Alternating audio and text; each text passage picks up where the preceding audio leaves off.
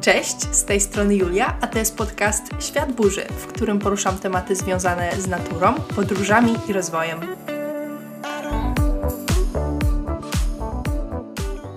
Najbliższe dwa odcinki są dla osób, które chciałyby nauczyć się robić lepsze, ciekawsze i przyjemniejsze w odbiorze zdjęcia. Podróże to jest moim zdaniem idealna okazja, żeby ćwiczyć się w sztuce fotografii, ponieważ trafiamy w nowe miejsca, gdzie często wiele rzeczy nas zachwyca. I z tego powodu chcemy je uwiecznić na zdjęciach za pomocą aparatu tradycyjnego czy takiego w telefonie. Także dzisiaj opowiem Wam o tym, jak wykorzystać ten potencjał i jak sprawić, by nasze podróżnicze fotografie były coraz lepsze. A jeżeli preferujesz robienie zdjęć w domowym zaciszu, to również ze mną zostań. Podzielę się uniwersalnymi wskazówkami, które mogą Ci pomóc uwieczniać chwilę w bardziej świadomy i przyjemny w odbiorze sposób. Te dwa odcinki to jest taki kurs, powiedziałabym, na poziomie basic. Jeżeli jesteś początkujący lub coś tam gdzieś tam słyszałeś o kadrowaniu i robieniu zdjęć, ale nie za dużo pamiętasz, to myślę, że możesz e, wynieść stąd garść praktycznych wskazówek i tipów. Jeżeli dalej nie jesteś przekonany lub zastanawiasz się, czy ten poziom w tych odcinkach będzie dla Ciebie odpowiedni, to zachęcam Cię do zajrzenia do spisu treści, który będzie znajdował się pod odcinkami. W tym odcinku opowiem o tym, dlaczego uważam, że podróże są tak dobrą okazją do tego, żeby ćwiczyć fotografię, a następnie pojawi się 9 praktycznych wskazówek do tego, żeby robić lepsze zdjęcia. W kolejnym odcinku znajdziecie kolejne 9 wskazówek, z tym, że będą one dotyczyły stricte samego kadrowania. Kiedy jadę w jakieś miejsce, zwłaszcza po raz pierwszy, to wtedy wiele rzeczy mnie zachwyca i zwracam uwagę na różne szczegóły, na które pewnie nie zwróciłabym uwagi, jeżeli żyłabym w tym miejscu od jakiegoś czasu.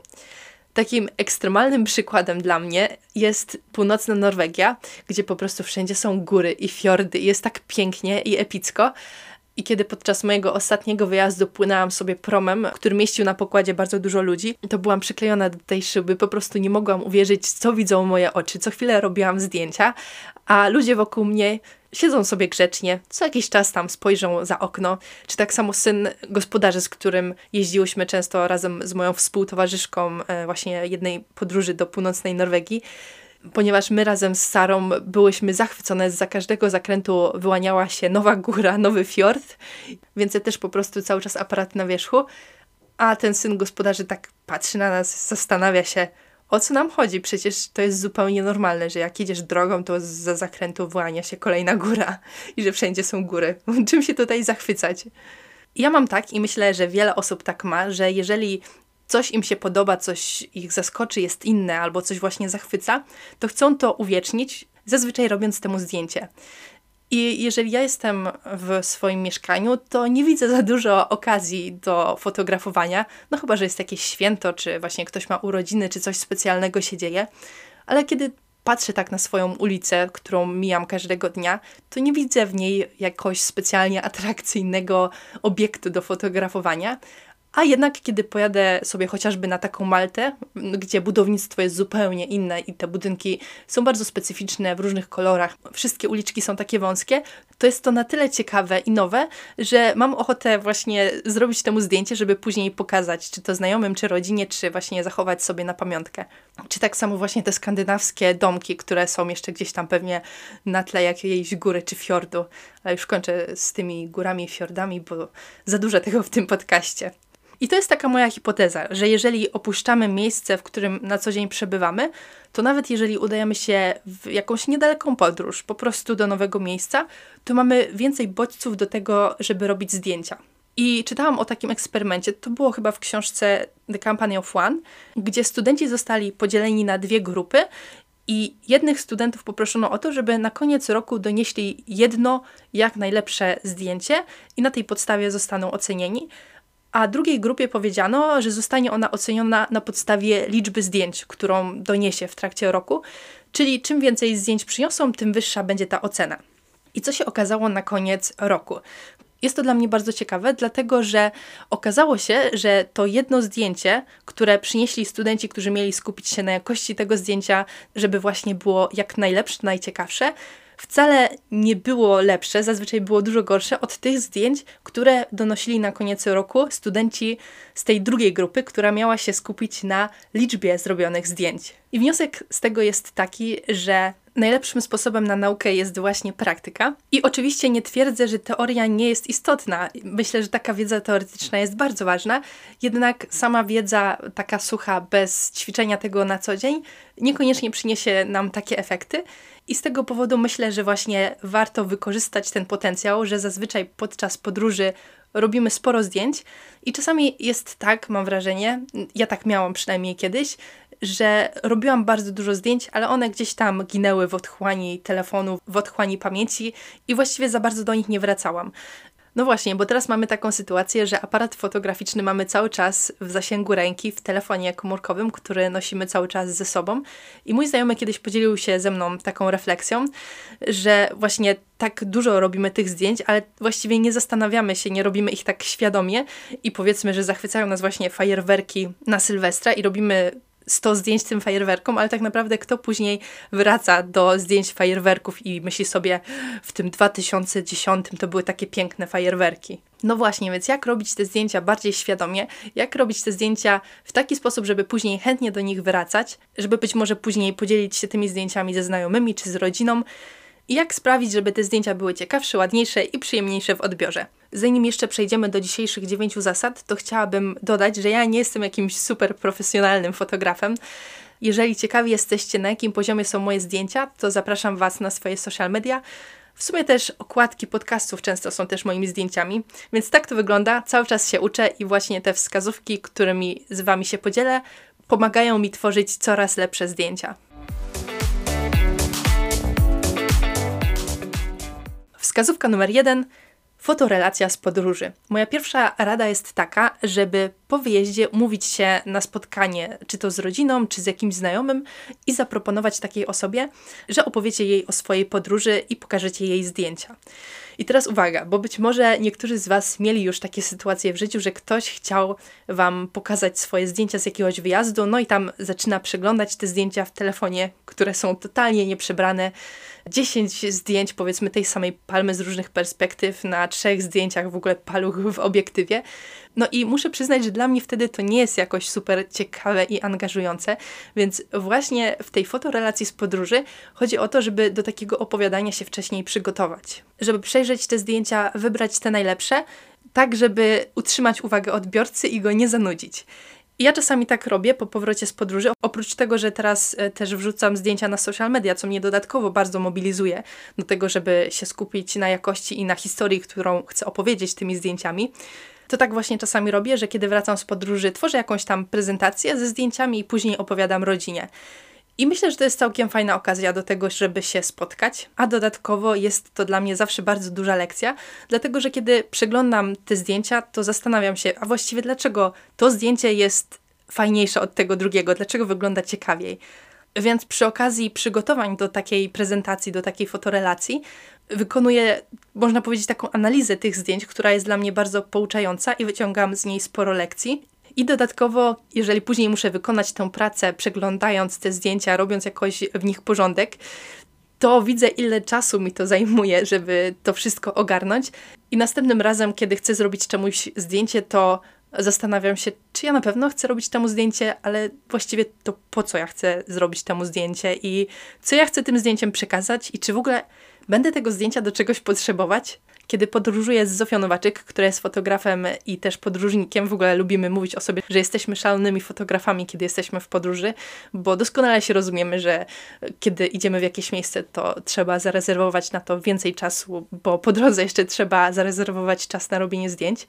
W każdym razie zauważyłam, że czasami interesują nas zupełnie różne obiekty i mnie na przykład niekoniecznie interesują jakieś tam elementy architektoniczne, czy kapliczki, czy jakieś zdobienia. Są dla mnie ładne, ale nie robię im zdjęć, bo wiem, że tak naprawdę nie będę ich w sumie do niczego potrzebować.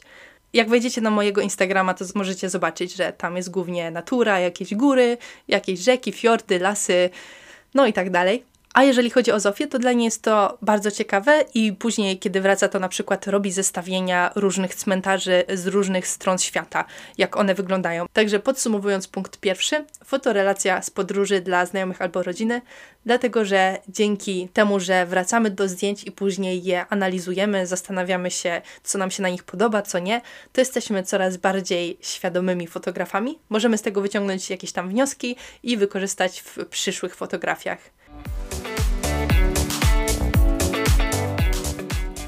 Wskazówka numer dwa. Poznaj swój aparat.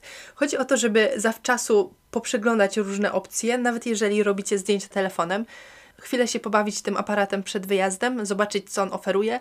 To niekoniecznie muszą być jakieś skomplikowane rzeczy, ale na przykład, kiedy już jesteście na miejscu i chcielibyście użyć samowyzwalacza, to żeby nie zastanawiać się przez 20 minut, jak ten samowyzwalacz włączyć. Dlatego, że to może być zniechęcające i dzięki temu, że poznacie swój aparat zawczasu, to będziecie wiedzieli, co on oferuje. I tak na przykład ja, kiedy korzystam z dwóch obiektywów w moim aparacie, kiedy robię zdjęcia, to kiedy już patrzę na obiekt, który chcę sfotografować, to wiem, jakiego obiektu chcę użyć, dlatego że zdążyłam się z nimi już fajnie poznać. Dodatkowo teraz niektóre telefony mają naprawdę bardzo fajne opcje. W wielu telefonach są różne obiektywy, można też się bawić przysłonami czy trójkątem ekspozycji. Można też włączyć długie naświetlanie, żeby malować światłem, co jest bardzo fajną zabawą. Więc tak w skrócie przed wyjazdem zobacz, co oferuje Twój aparat i poświęć chwilę, żeby go poznać.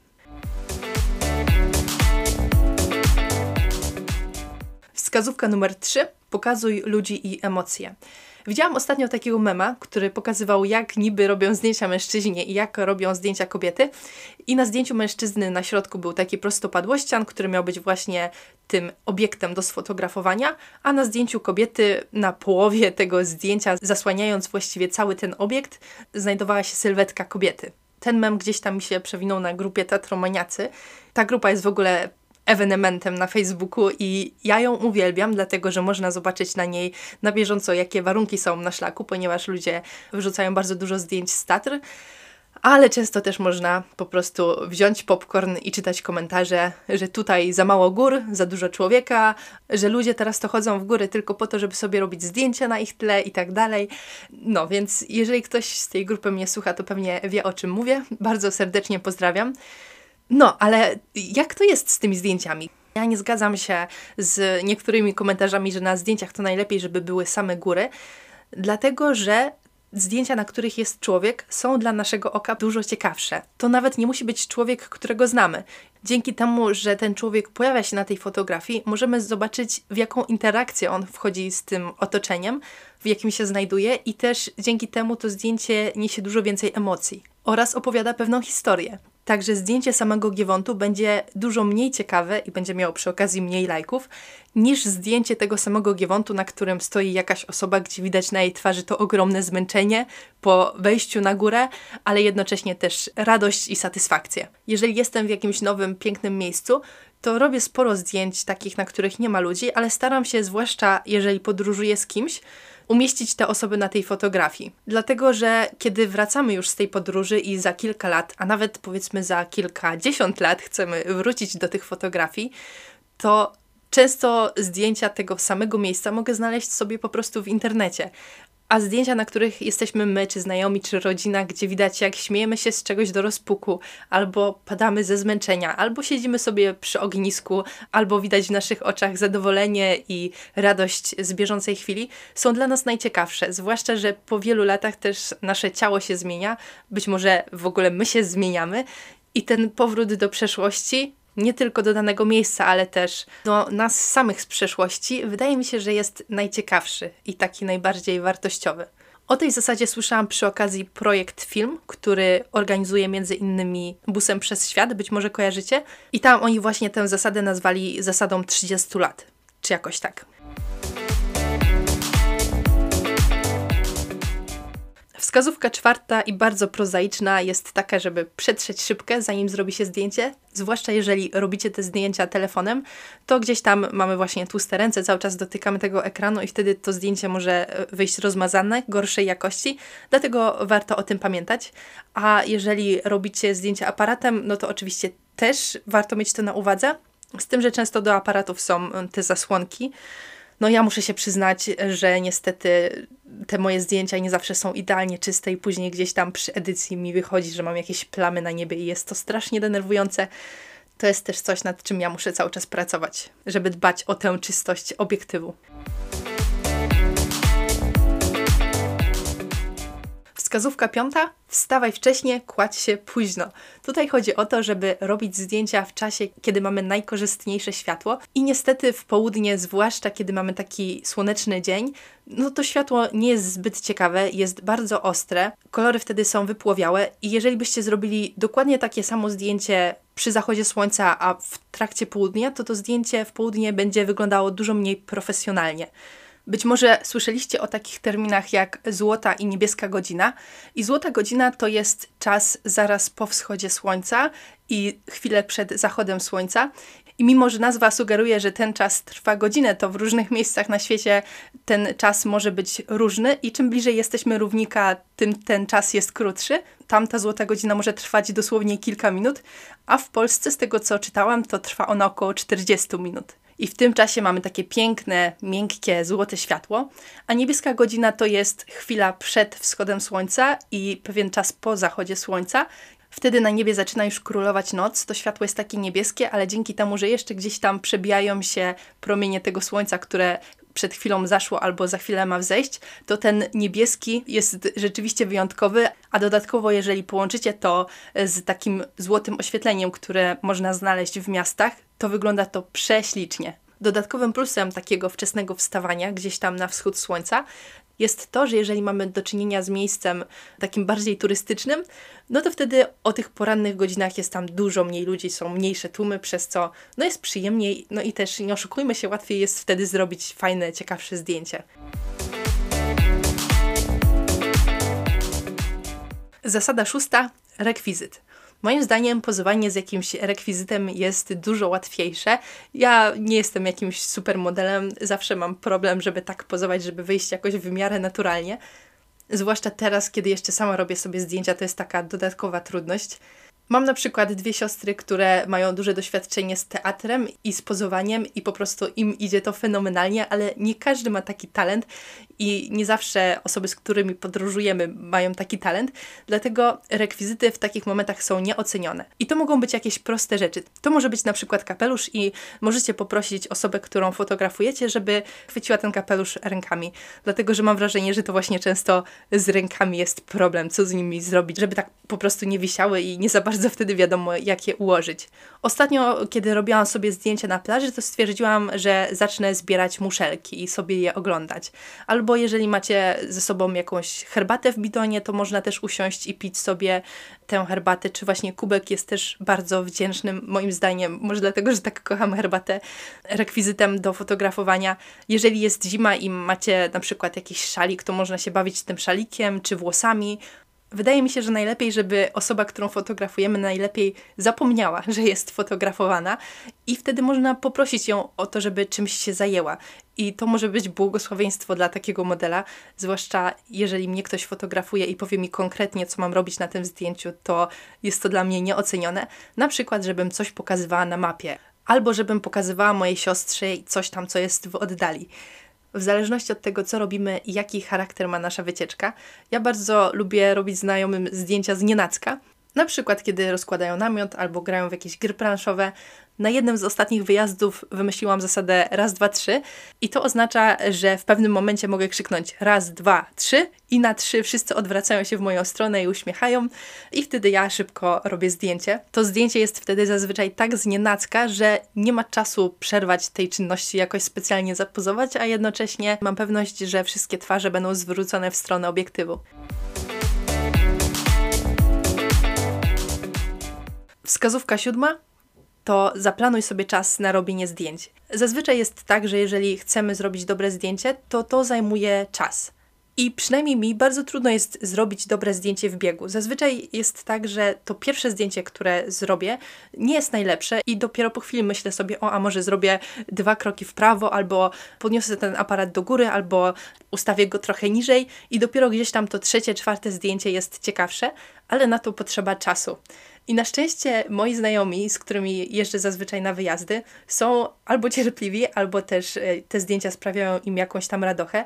I to nie jest tak, że w każdym miejscu, w którym teraz chcemy zrobić dobre zdjęcie, to trzeba zatrzymywać się na pół godziny, ale jednak te kilka minut jest tutaj potrzebne i wiem, że może się tak zdarzyć, że osoby, z którymi będziecie podróżować, nie będą miały za dużo cierpliwości i już przy drugim zdjęciu zaczną trochę narzekać i cię poganiać. Także ja, jeżeli jadę z kimś na jakiś wyjazd, to zawsze staram się go uprzedzić, że ale wiesz, że ja robię dużo zdjęć. Jesteś na to gotowy? tak, na pewno. I oczywiście zawsze staram się znaleźć balans. I kiedy jeżdżę z Zofią Nowaczyk, to po prostu musimy sobie rezerwować na podróżowanie czy zwiedzanie dwa razy więcej czasu, bo nam obydwu bardzo dużo radości sprawia szukanie tych ciekawych kadrów. A kiedy jestem ze znajomymi, którzy nie są aż tak bardzo tym zainteresowani, to staram się wziąć ich potrzeby pod uwagę i, i wtedy się z tym bardziej ograniczam to może tutaj dodam taką wskazówkę, którą gdzieś tam słyszałam, że jeżeli jedzie się w jakieś miejsce, to zawczasu, żeby przejrzeć zdjęcia w internecie danego miejsca, żeby zrobić taki research, zobaczyć z jakich miejsc robione są te zdjęcia, czego się spodziewać na miejscu i być już na miejscu przygotowanym, żeby nie szukać tego wszystkiego samemu na nowo. Z tym, że ja nie jestem jakoś bardzo do tego przekonana, ponieważ jednak wciąż te zdjęcia to nie jest jedyna rzecz, na której mi zależy z podróży i bardzo lubię mieć ten element zaskoczenia i przyjechać w to miejsce i, i poznawać je samemu.